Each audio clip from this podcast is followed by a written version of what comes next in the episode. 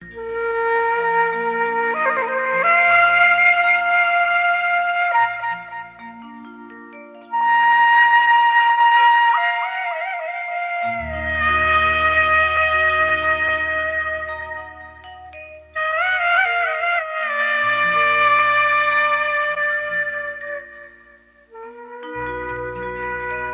ভক্তিবচন অনুষ্ঠানৰ আজিৰ এই কাৰ্যসূচীলৈ সাদৰ সম্ভাষণেৰে আপোনাক আদৰিছো প্ৰিয় শ্ৰোতা।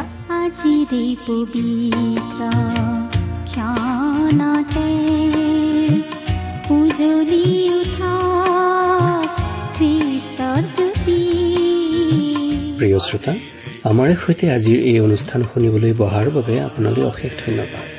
আপোনাৰ দৰে শ্ৰোতাই আমাক সদায় প্ৰেৰণা যোগায়। এই অনুষ্ঠানটিৰ যোগেৰে আমি আপোনাক লগ পাই থাকিলে আমি বৰ উৎসাহ পাওঁ। আমি মানুহ সঁচাকৈ ইজনে আনজনৰ সম্পৰ্কত থাকি বৰ ভাল পোৱা প্ৰাণী। ঈশ্বৰো আমাৰ লগত থাকি বৰ ভাল পায়। সেয়েহে যীশুখ্ৰীষ্টৰ ৰূপেৰে আহি আমাৰ লগত অৰ্থাৎ মানুহৰ লগত বসতি কৰিলে।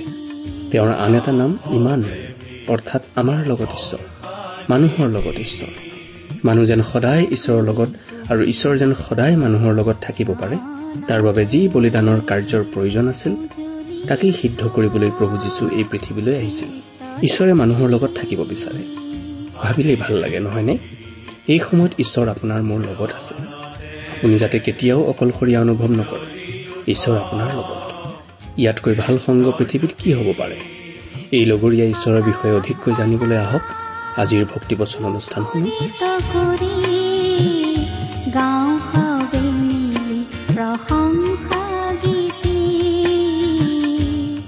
আমাৰ মহান ত্ৰাণকৰ্তা প্ৰভু যীশুখ্ৰীষ্টৰ নামত নমস্কাৰ প্ৰিয় শ্ৰোতা। আশা কৰো আপুনি আমাৰ এই ভক্তিবচন অনুষ্ঠানটো নিয়মিতভাৱে শুনি আছে। আপুনি বাৰু এই অনুষ্ঠান শুনি কেনে পাইছে? এই অনুষ্ঠান সম্বন্ধে আপোনাৰ মতামত আদি জনাই আমালৈ চিঠি পত্ৰ লিখিবচোন। আহকচোন আজিৰ বাইবেল অধ্যয়ন আৰম্ভ কৰাৰ আগতে আমি খন্তেক প্ৰাৰ্থনাত মূৰ্ণত কৰো হওক। স্বৰ্গত থকা অসীম দয়ালু কৰোণাময় পিতা তোমাৰ মহান বাক্য বাইবেল শাস্ত্ৰ অধ্যয়ন কৰিবলৈ আমি আগবাঢ়িছো।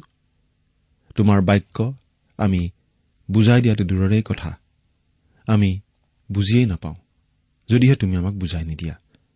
প্ৰাৰ্থনা কৰিছো তুমি আমাৰ মাজত উপস্থিত থাকি তোমাৰ বাক্য আমাক বুজাই দিয়া। আমাৰ প্ৰয়োজন অনুসাৰে তুমি আমাক স্পষ্টভাৱে কথা কোৱা। কিয়নো এই প্ৰাৰ্থনা মহান ত্ৰাণকৰ্তা মৃত্যুঞ্জয় প্ৰভু যীশুখ্ৰীষ্টৰ নামত আগবঢ়াইছো।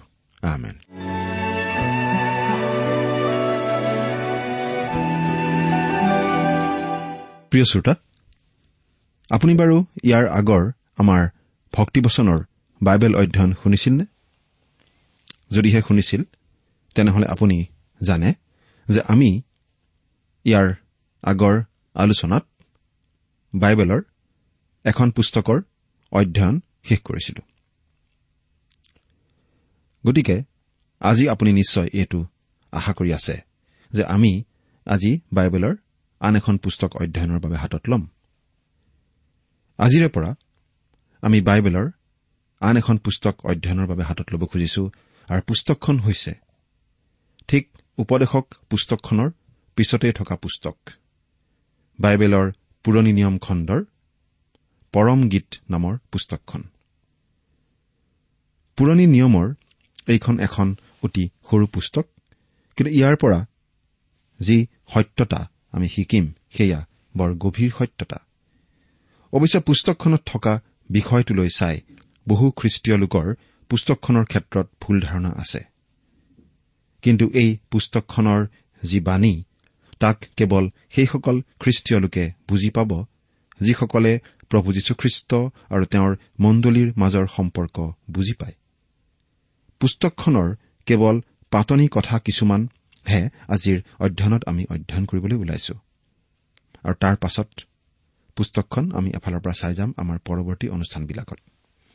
প্ৰিয় শ্ৰোতা এই পৰমগীত পুস্তকখনৰ প্ৰথম পদটোৰ পৰাই আমি স্পষ্টৰূপে বুজি পাওঁ যে এই পুস্তকখনৰ লিখক আছিল ৰজা চলোমন।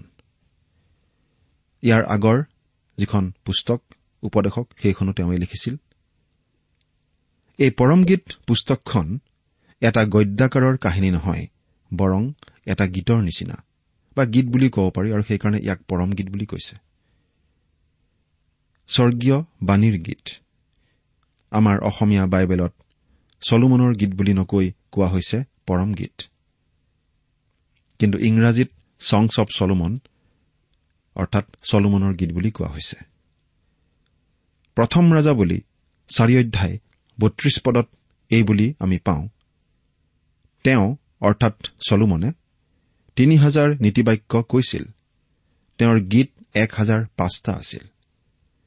তেওঁ যদি তিনি হাজাৰ নীতিবচন ৰচনা কৰিছিল তেন্তে আমি জানো যে বহু নীতিবচন আজি আমাৰ হাতত নাই। এনেকি হিতুপদেশ আৰু উপদেশক লগ লগালেও একেলগে তিনি হাজাৰটা নীতিবচন নহয়গৈ। কিন্তু আমাৰ হাতত আজি যিখিনি নীতিবচন আছে সেই ক্ষেত্ৰত আমি দুটা কথা হলে ক'ব পাৰোঁ। প্ৰথমটো হৈছে আমাৰ হাতত থকা নীতিবচনখিনিয়েই সৰ্বোত্তম নীতিবচন। দ্বিতীয়টো হৈছে ঈশ্বৰৰ আত্মাই যিখিনি আমাৰ হাতত থকাটো ইচ্ছা কৰিছিল সেইখিনি নীতিবচনেই আমাৰ হাতত আজি আছে। প্ৰথম ৰাজাৱলী চাৰি নম্বৰ অধ্যায়ৰ বত্ৰিশ নম্বৰ পদত এই কথাটোও কোৱা হৈছে যে ৰজা চলোমনে এহেজাৰ পাঁচটা গান লিখিছিল।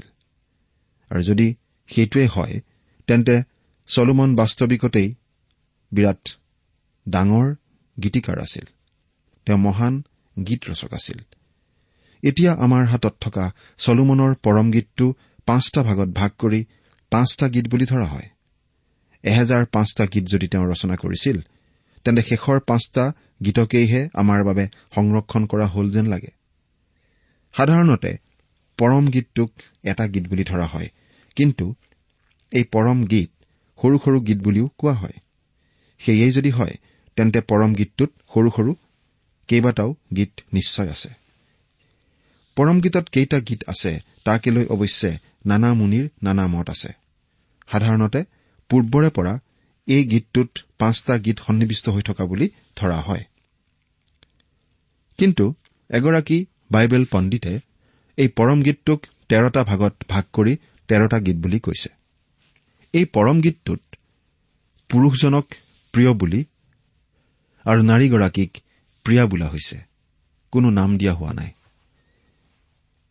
বহুতো লোকে ভাবে যে এই পৰমগীত পুস্তকখন বাইবেলত স্থান পাবলগীয়া পুস্তক নহয়।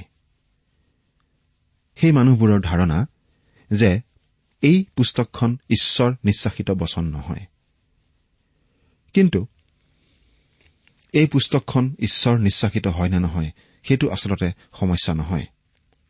সমস্যাটো হৈছে এই পুস্তকখনৰ ব্যাখ্যা কৰা কাৰ্যটোহে। গোটেই বাইবেলখনৰ মুঠ জ্ঞান নথকা কেতিয়াও বাইবেল অধ্যয়ন নকৰা মানুহে নাইবা মাংসিক মনৰ খ্ৰীষ্টীয় লোকসকলে হয় ভুল বুজে। নহলে বেয়া ধাৰণাৰে ব্যাখ্যা কৰি ভুল ধাৰণা বিস্তাৰ কৰিবলৈ চেষ্টা কৰে। আদিপ মণ্ডলীৰ পিতৃ অৰেগন আৰু জেৰমে এইবুলি কয় যে যিহুদীসকলে ত্ৰিশ বছৰ বয়সত ভৰি নিদিয়া পৰ্যন্ত তেওঁলোকৰ ডেকা ল'ৰা ছোৱালীক এই পুস্তক পঢ়িবলৈ দিয়া নহৈছিল।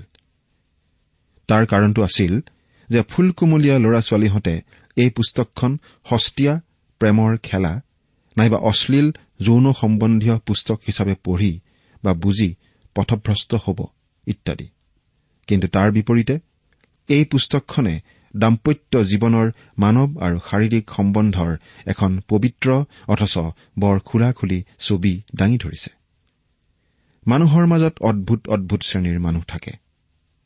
এনে এক শ্ৰেণীৰ মানুহ আছে যিসকলে ভাবে যে যৌন সম্ভোগৰ বাবে বিয়া কৰোৱাৰ প্ৰয়োজন নাই। বিয়া নকৰাকৈও যৌন সম্ভোগত লিপ্ত থাকিব পাৰি বুলি তেওঁলোকে ভাবে। আকৌ আন এক শ্ৰেণীৰ মানুহ আছে যিসকলে কয় যে দাম্পত্য জীৱনৰ প্ৰয়োজনীয় আৰু প্ৰাথমিক উদ্দেশ্যটোৱেই হৈছে যৌন ক্ষুধা আৰু তৃষ্ণা দূৰ কৰা। পৰমগীত পুস্তকখনে এইটো স্পষ্ট কৰি দিয়ে যে এই দুয়ো শ্ৰেণীৰ অশ্লীল ধাৰণাই আচলতে ভুল। দাম্পত্য জীৱনৰ শাৰীৰিক মানসিক আৰু আম্মিক মৰম চেনেহ আৰু বান্ধোন যে পৰম গৌৰৱৰ অতি সুন্দৰ এই পুস্তকখনে আমাক তাকেই দেখুৱায়। খ্ৰীষ্টীয় লোকসকলৰ মাজত এনে কোনো কোনো লোকো আছে যিসকলে ডেকা পালকসকলক পৰামৰ্শ দিয়ে যাতে তেওঁলোকে এই পুস্তকৰ পৰা শিক্ষা নিদিয়ে। এইটো কিন্তু বৰ হাঁহি উঠা কথা। এই পৰম গীত পুস্তকখনে স্পষ্ট সুন্দৰ আৰু সাৱলীল ভাষাৰে যি কথাবোৰ কৈছে তাৰে খ্ৰীষ্ট আৰু তেওঁৰ মণ্ডলীৰ সৈতে তেওঁৰ যি গভীৰ আৰু মধুৰ সম্বন্ধ সেইটো ফুটাই তুলিছে। প্ৰভু যীশুখ্ৰীষ্টৰ সান্নিধ্যলৈ আহিবলৈ এই পুস্তকখনে যিমান প্ৰেৰণা যোগায় পুৰণি নিয়মৰ আন কোনো পুস্তকেই সিমান প্ৰেৰণা বোধ হয় নোযোগায়। প্ৰভু যীশুখ্ৰীষ্টৰ অধিক কাষ চাপিবলৈ আৰু তেওঁৰে সৈতে ব্যক্তিগতভাৱে সম্বন্ধ ৰাখিবলৈ এই সৰু পুস্তকখনে যিমান সহায় কৰে সিমান পৰ্যাপ্ত সহায় কিজানি কোনোখন পুস্তকেই নকৰিব। চলোমনৰ সময়ৰ প্ৰাচ্যৰ আন আন লিখনিসমূহ পৰমগীতৰ সৈতে তুলনা কৰি চালে এইটো দেখা যায় যে সেইবোৰৰ মাজৰ অনেক লিখনি বৰ অশ্লীল আৰু আজিকালিৰ আধুনিক কিছুমান যৌন উত্তেজক লিখনিৰ নিচিনা।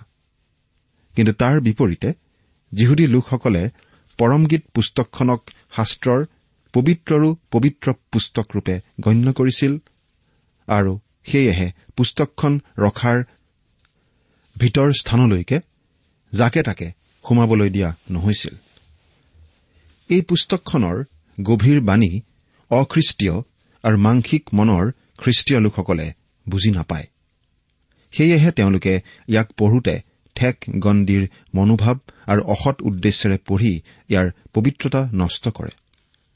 কিন্তু আপুনি যদি প্ৰভুৰ সৈতে চলা খ্ৰীষ্টীয় লোক তেওঁক যদি আন্তৰিকতাৰে আপুনি ভাল পায় আৰু তেওঁ যদি আপোনাৰ জীৱনৰ কাৰণে সঁচাকৈয়ে অৰ্থপূৰ্ণ তেন্তে এই পুস্তকখনো আপোনাৰ বাবে সঁচাকৈয়ে বৰ অৰ্থপূৰ্ণ হ'ব। পৰমগীত পুস্তকখন পদ্য আকাৰৰ বৰ স্পষ্টবাদী আৰু ব্যৱহাৰিক বিশেষ গুণ থকা পুস্তক। ঈশ্বৰে এই পুস্তকখনৰ দ্বাৰা কবিতাৰ মাজেৰে তেওঁৰ মানুহবিলাকক এক গভীৰ বিষয়ৰ বাণী জনাইছে। এই পুস্তকখন যেতিয়া আমি অধ্যয়ন কৰো তেতিয়া বৰ নৰম বস্তু ব্যৱহাৰ কৰাৰ দৰে ব্যৱহাৰ কৰি অধ্যয়ন কৰিব লাগে। আলফুলকৈ এই পুস্তকখন আমি ব্যাখ্যা কৰিব লাগে। সাৱধানে পঢ়িব লাগে। এই পুস্তকখনত চাৰিটা বেলেগ বেলেগ আৰু বৰ প্ৰয়োজনীয় অৰ্থ পোৱা যায়। প্ৰথমটো হৈছে পৰমগীত পুস্তকখনে বৈবাহিক জীৱনৰ গৌৰৱপূৰ্ণ ভালপোৱা প্ৰকাশ কৰি দেখুৱাইছে। ইয়াত দেখুওৱা হৈছে যে বিবাহ হৈছে এক পবিত্ৰ সূচী আৰু ঈশ্বৰ প্ৰদত্ত অনুষ্ঠান। প্ৰকৃত ভালপোৱানো কি তাক এই সৰু পুস্তকখনে আমাক জনাইছে। জিউদীসকলে এই পুস্তকখনৰ দ্বাৰা শিকায় যে এই পুস্তকখনে এগৰাকী সন্তুষ্টি লাভ কৰা স্বামী আৰু এগৰাকী উৎসৰ্গিত ভাৰ্যাৰ অন্তৰ প্ৰকাশ কৰিছে। মানুহ বৰ অদ্ভুত প্ৰাণী। এই অদ্ভুত মানুহে কেতিয়াবা বৰ অদ্ভুত ধৰণৰ কথাও চিন্তা কৰে আৰু বহুতে তেওঁলোকৰ সেই চিন্তাধাৰাৰ বাস্তৱ ৰূপ দিয়ে। আজিকালি এক শ্ৰেণীৰ মানুহে মুক্ত যৌনতাৰ বিষয়ে প্ৰচাৰ কৰিছে আৰু তাৰ বাস্তৱ ৰূপ তেওঁলোকে দি আছে। বহু লোকে ভাবে যে ই বৰ যুক্তিপূৰ্ণ আৰু মানুহৰ বাবে মংগলজনক। কিন্তু এনে জীৱনত জড়িত অনেক লোকে এনে জীৱনৰ অভিজ্ঞতাৰ পৰা কৈছে যে ই এক পাশৱিক জীৱন। এয়া মানুহৰ জীৱন হ'ব নোৱাৰে। বাটৰ কুকুৰেহে এনে জীৱন ধাৰণ কৰে। মুক্ত যৌনতা বিশ্বাস কৰা আৰু তাত জড়িত হোৱা ফুল কোমলীয়া ডেকা গাভৰুসকলে যৌনতাৰ তাৰণা উগ্ৰ আচৰণেৰে প্ৰশমিত কৰে মাথোন। কিন্তু যৌনতাৰ বিষয়ে তেওঁলোকে অধিক কথাই বুজি নাপায়। তেওঁলোকে নাজানে যে তেওঁলোকৰ সেই উৎপতীয়া মুক্ত যৌন জীৱন জীৱনৰ মুহূৰ্ত কেইটামানৰ পাছতেই ৰিঙা ৰিঙা জীৱন হৈ পৰিব। স্থায়িত্ব বোলা তাত একো বস্তু একো কথা নাথাকে। স্থায়ী মৰম চেনেহ সহায় অনুভূতি স্থায়ী জীৱন আদি তাত একো নাই। জগতৰ এই শ্ৰেণীৰ মানুহে পাশৱিক যৌনতাৰ বিষয়ে জানিলেও সুন্দৰ আৰু গভীৰ প্ৰেমৰ খবৰ তেওঁলোকৰ হাতত নাই। তেওঁলোকে যিহক ভালপোৱা বা প্ৰেম বুলি ভাবে সেয়া গোপন সংসাৰৰ খন্তেকীয়া প্ৰেমৰ নিচিনা প্ৰেম। সেয়া পশ্চিমীয়া দেশৰ কিছুমান ডাঙৰ ডাঙৰ ঠাইৰ নিচিনা প্ৰেম। কিন্তু তাকে কৰিয়েই তেওঁলোকে ভাবে যে প্ৰেমৰ বিষয়ে উত্তম কথা তেওঁলোকেহে জানে। গতিকে এই চাম মানুহে ভবা আৰু চৰিতাৰ্থ কৰা এনে মুক্ত যৌনতাৰ প্ৰেম আৰু বৈবাহিক জীৱনৰ বৰ গৌৰৱপূৰ্ণ মধুৰ আৰু স্থায়ী প্ৰেমৰ মাজত বিস্তৰ পাৰ্থক্য আছে। দ্বিতীয় কথাটো কি? দ্বিতীয়তে পৰমগীত পুস্তকখনে আমাক দেখুৱাই ইছৰাইলৰ ঈশ্বৰ জিহুৱা আৰু ইছৰাইলৰ মাজত থকা মধুৰ সম্বন্ধৰ কথা। এইটো এটা নতুন কথাও নহয় আৰু কেৱল এই পুস্তকতেই যে এই বিষয়ে আছে সেইটো সঁচা কথা নহয়। ভাৱবাদীসকলে পূৰ্বৰে পৰা ঘোষণা কৰি আহিছিল যে ইছৰাইল জাতিটো ঈশ্বৰ জিহুৱাৰ ভাৰ্যাস্বৰূপ। বিশেষকৈ হোছেয়াই সেই বিষয়টো প্ৰচাৰ কৰিছিল। বিভিন্ন দেৱ দেৱীৰ পূজা সেৱাই ইছৰাইলৰ ঈশ্বৰ জিহুৱা আৰু ইছৰাইল জাতিৰ বিবাহ বিচ্ছেদ ঘটাইছিল বুলি তেওঁ কৈছিল। ঈশ্বৰে জাতিটোক ত্যাগ কৰিছিল। কাৰণ হোছিয়াৰ মতে জাতিটোৱে পৃথিৱীৰ আটাইতকৈ ডাঙৰ পাপ আচৰণ কৰিছিল। যেতিয়া জাতিটোৱে আন আন দেৱ দেৱীৰ সেৱা পূজাত জড়িত হৈ পৰিছিল সেইটো বেভিচাৰ কৰ্মৰ নিচিনা আছিল। যিহুদীসকলৰ অধ্যাপক আৰু গুৰুসকলে পৰম গীতৰ ক্ষেত্ৰত সদায় এই শিক্ষা দি আহিছে আৰু মণ্ডলীয়ে এই দুয়োটা শিক্ষাকেই আন্তৰিকতাৰে গ্ৰহণ কৰি আহিছে। কিন্তু তেওঁলোকৰ এই দুবিধ ব্যাখ্যাৰ উপৰিও মণ্ডলীৰো পৰম গীতৰ ক্ষেত্ৰত দুটা বিশেষ শিক্ষা আছে। খ্ৰীষ্টীয় মণ্ডলীৰ সেই দুটা শিক্ষা লগ লগালে এই পুস্তকৰ পৰা আমি মুঠ চাৰিটা প্ৰয়োজনীয় অৰ্থ দেখা পাওঁ। দুটা আমি ইতিমধ্যে চালো। তৃতীয়টো হৈছে এই পুস্তকত আমি খ্ৰীষ্ট আৰু খ্ৰীষ্টীয় মণ্ডলীৰ সম্বন্ধৰ ছবিটো দেখা পাওঁ। খ্ৰীষ্টীয় মণ্ডলী হৈছে প্ৰভু যীশুখ্ৰীষ্টৰ কন্যা। তেওঁ হৈছে দৰা। বাইবেলৰ নতুন নিয়মত এয়া বৰ পৰিচিত বিষয়। ইফিচিয়া পুস্তকৰ পাঁচ নম্বৰ অধ্যায় আৰু প্ৰকাশিত বাক্য একৈশ নম্বৰ অধ্যায়ত আমি এই বিষয়ে পঢ়িবলৈ পাওঁ।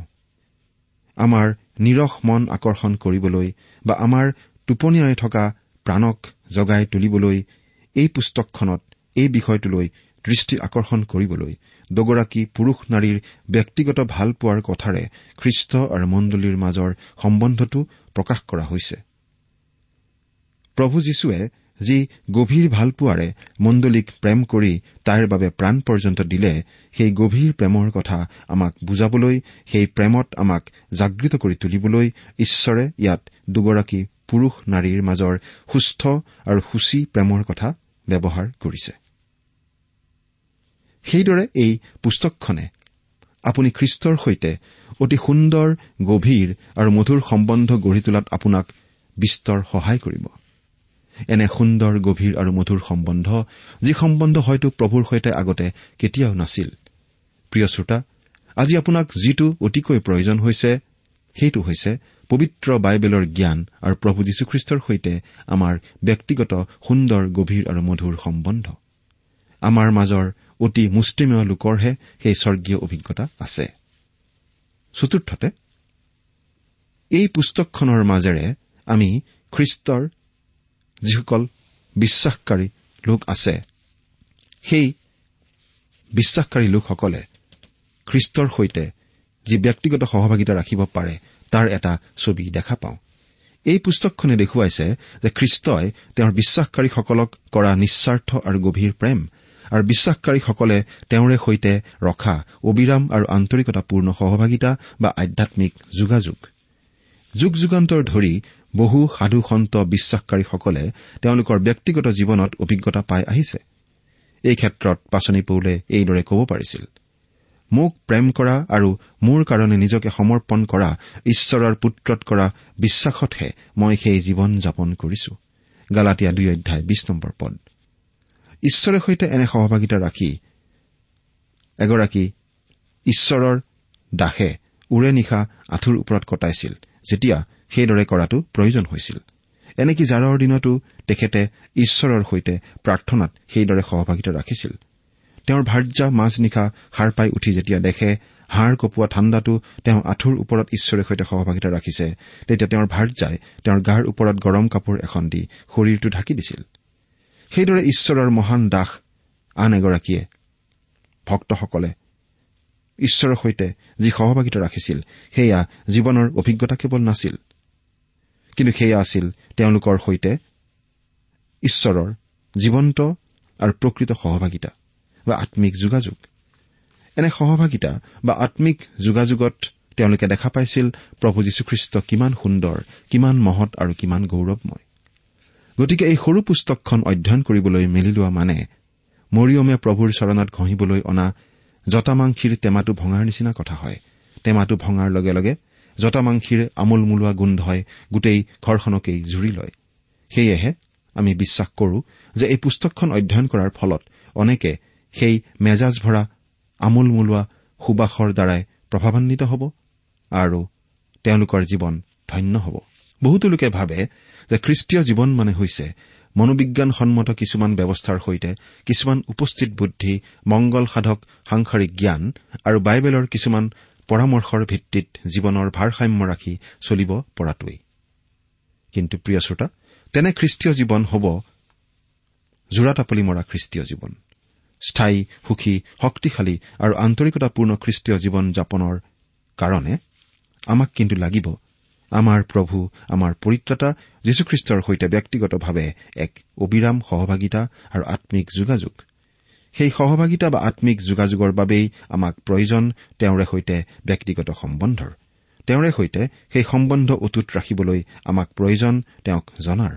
তেওঁৰ সান্নিধ্যত থাকিব পৰা উগ্ৰ আৰু উত্তপ্ত লিপচা ইচ্ছা হাবিয়াস ক্ষুধা আৰু তৃষ্ণা।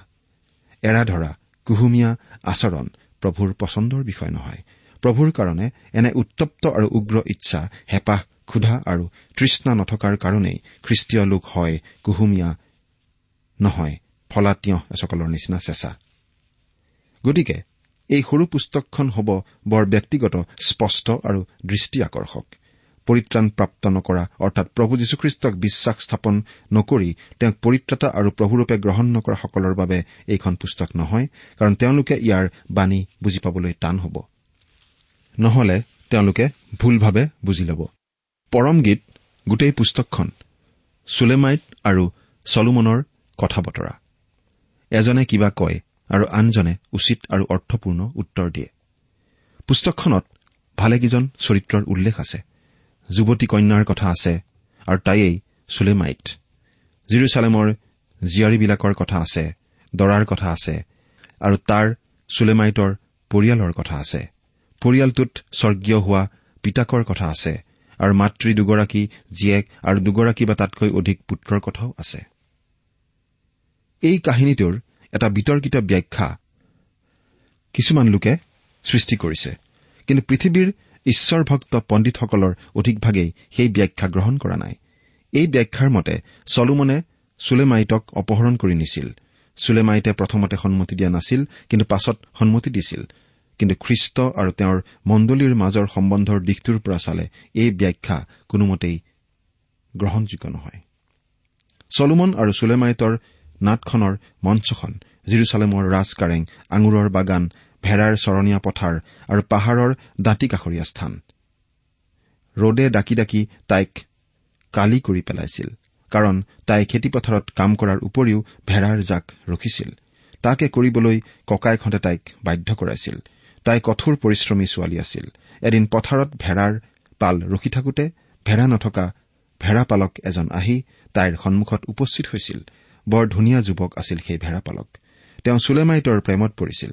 এইখিনিতে আপোনালোকে কিবা কিবি ভবাৰ আগতে আমি সোনকালেই কৈ থওঁ যে এই ধুনীয়া যুৱক ভেড়াপালকগৰাকী হৈছে আমাৰ পৰিত্ৰতা প্ৰভু যীশুখ্ৰীষ্ট আৰু দ্ৰাক্ষাবাৰীত কঠোৰ পৰিশ্ৰম কৰি ভেড়াৰ পাল ৰখি ৰদৰ ডাকত কলি হৈ পৰা চুলেমাইটজনী হৈছে প্ৰভু যীশুখ্ৰীষ্টৰ সতী আৰু পবিত্ৰ কন্যা মণ্ডলী।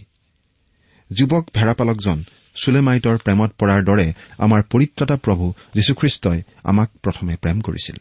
গতিকে পৰমগীত পুস্তকখনে খ্ৰীষ্ট আৰু তেওঁৰ মণ্ডলীৰ মাজত প্ৰেমৰ সম্বন্ধৰ ছবিটোকেই ফুটাই তুলিছে। দুয়ো দুয়োক কথা দিয়াৰ পাছত এদিন ভেড়াপালকজনে চুলেমাইটক তেওঁৰ ঘৰলৈ লৈ গৈছিল আহাৰ ভোজনৰ বাবে।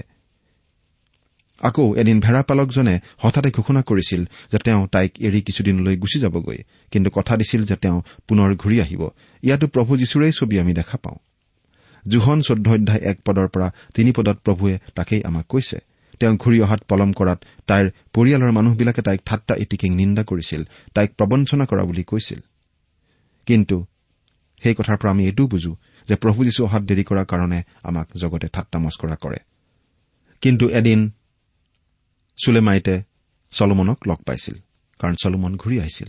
ঠিক তেনেদৰে প্ৰভু যীশু আকৌ ঘূৰি আহিব আমাক তেওঁৰ ওচৰলৈ লৈ যাব আৰু আমি তেওঁ বিশ্বাসকাৰীসকলে চিৰদিনৰ বাবে তেওঁৰ লগত থাকিবলৈ পাম। আপুনি বাৰু থাকিবলৈ পাবনে? চিন্তা কৰি চাওকচোন। ঈশ্বৰে আপোনাক আশীৰ্বাদ কৰক। যদি লাগে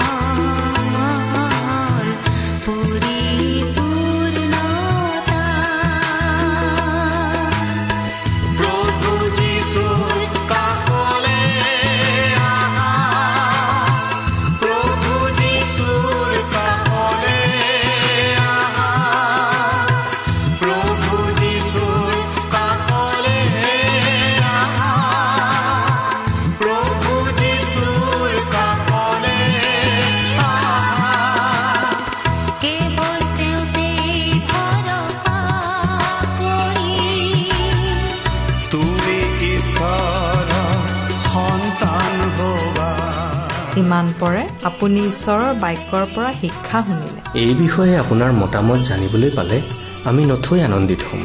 আমি প্ৰস্তুত কৰা বাইবেল অধ্যয়নৰ চিডিসমূহ পাব বিচাৰিলে আৰু অনুষ্ঠানত প্ৰচাৰ কৰা কোনো কথা বুজিব লগা থাকিলেও আমালৈ লিখক। আমাৰ যোগাযোগৰ ঠিকনা ভক্তিবচন ট্ৰান্সপল ৰেডিঅ' ইণ্ডিয়া ডাক বাকচ নম্বৰ সাত শূন্য গুৱাহাটী সাত আঠ এক শূন্য শূন্য এক। ঠিকনাটো আকৌ এবাৰ কৈছো ভক্তিবচন ট্ৰান্স ৱৰ্ল্ড ৰেডিঅ' ইণ্ডিয়া ডাক বাকচ নম্বৰ সাত শূন্য গুৱাহাটী সাত আঠ এক শূন্য শূন্য এক। আমাৰ ইমেইল এড্ৰেছটো হৈছে Assamese T TV at the rate radio' eight eight two dot com